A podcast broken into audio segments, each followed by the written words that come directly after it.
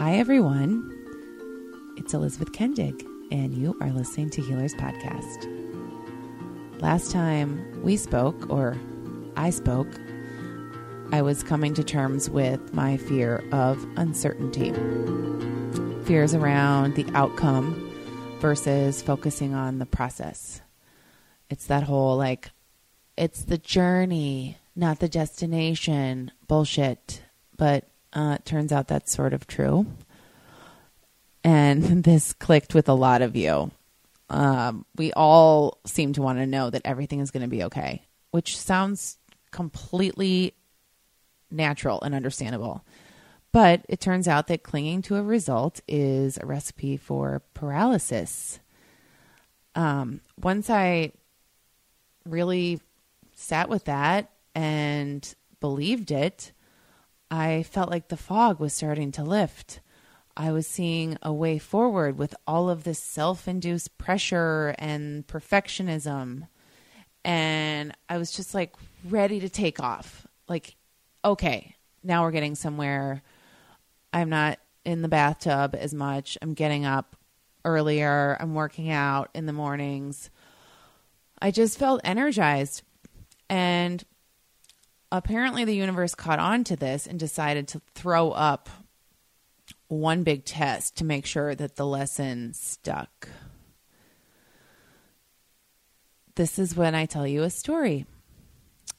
And it begins in Montana, where every year for the past, oh, eight years now, my family goes skiing. Uh, I've been a skier most of my life. It's one of my favorite things in the entire world. Also, I'm pretty good at it. I ski the blacks and I can keep up with my husband, who was a slalom racer. So there's that. Um, naturally, I've never said that out loud. But the first step in this lesson is owning that my name is Elizabeth Kendig and I am a good skier.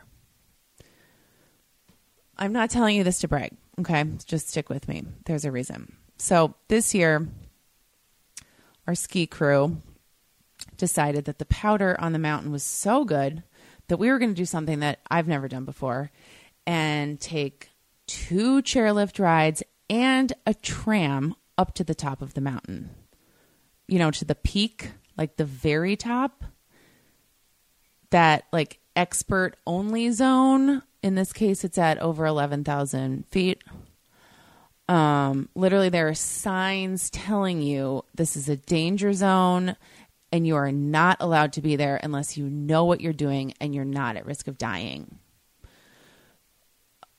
I went along with this, like, kind of silently.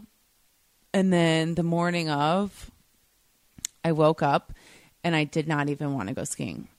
I don't think I spoke a word before 10 a.m. when we were standing in line to go up the mountain. It did not help that I had fallen the day before, but you know, that was neither here nor there at that point. That that fall was no big deal compared to what could happen on this run. So I've never been this sick or scared in my life nothing I've done professionally, and I mean this so sincerely, not speaking in front of a large crowd, not going on television, not interviewing for a job I really wanted, nothing has ever been this daunting to me.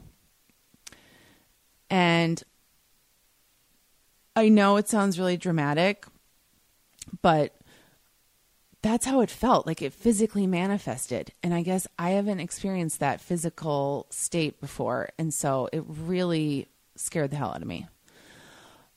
But we made it to the top of the mountain.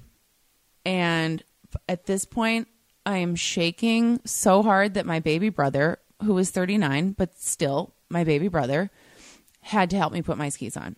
Just like I had helped my eight year old old nephew put his skis on the day before. We took a group photo at the top everyone was super excited and smiling and like just you know there might as well have been like music playing in the clouds just you know waiting for us to go down. All i wanted to do was throw up. So somehow i don't really remember this part. I managed to point my skis down the mountain, and guess what? I was the first one down. Not because I was fast, not because I was really good, but I made it. It was scary as shit. It was hard as hell. I'm going to have to put an explicit on this episode. And it wasn't pretty. I mean, I talked to myself the entire time and I made some serious pizza and french fries, skiing terms, if you are a skier. Um, just trying to stay upright. And then the next thing I knew, it was over and I felt like a million dollars. And then I cried. And the rest of the day was magical. Why do I tell you the ski bunny story on a podcast about healing? Because I realize that it is a metaphor for my life. The fear, the anticipation, the paralysis, the gut wrenching buildup to this thing. In this case, skiing, but in other cases, starting a business, moving, making a big change, whatever it is. I resist it with all of my might. And in the end, it turns out to be something I can not only handle, but even excel at and, enjoy. The takeaway is that I just have to stop being so afraid to try. I underestimate my abilities so much at times that I don't even realize I'm doing it. I just take it as truth.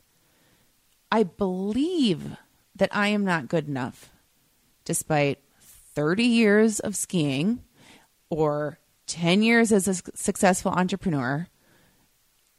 I just ignore all that and think, mm, this time, this time I'm going to suck. This time I'm ill prepared. Forget all of that. That is meaningless now. It's irrational, it's incorrect, and I'm literally going to have to stop listening to myself and do it anyway. That's it. That is my story. I am officially out of excuses. That's for the record. So you can hold me to this. I am going to launch a healer's website in May, and it will be what I've always wanted it to be. It will make healing accessible to anyone who needs it. There will be woo, but it won't be too weird. It will be real and fun and interesting. And you are welcome there, whoever you are. If you see me or you talk to me before then, just say, tips up, and I will know what you mean. Thank you for being on this ride or this run, as it were, with me knowing that I am not alone is the best gift ever. Namaste.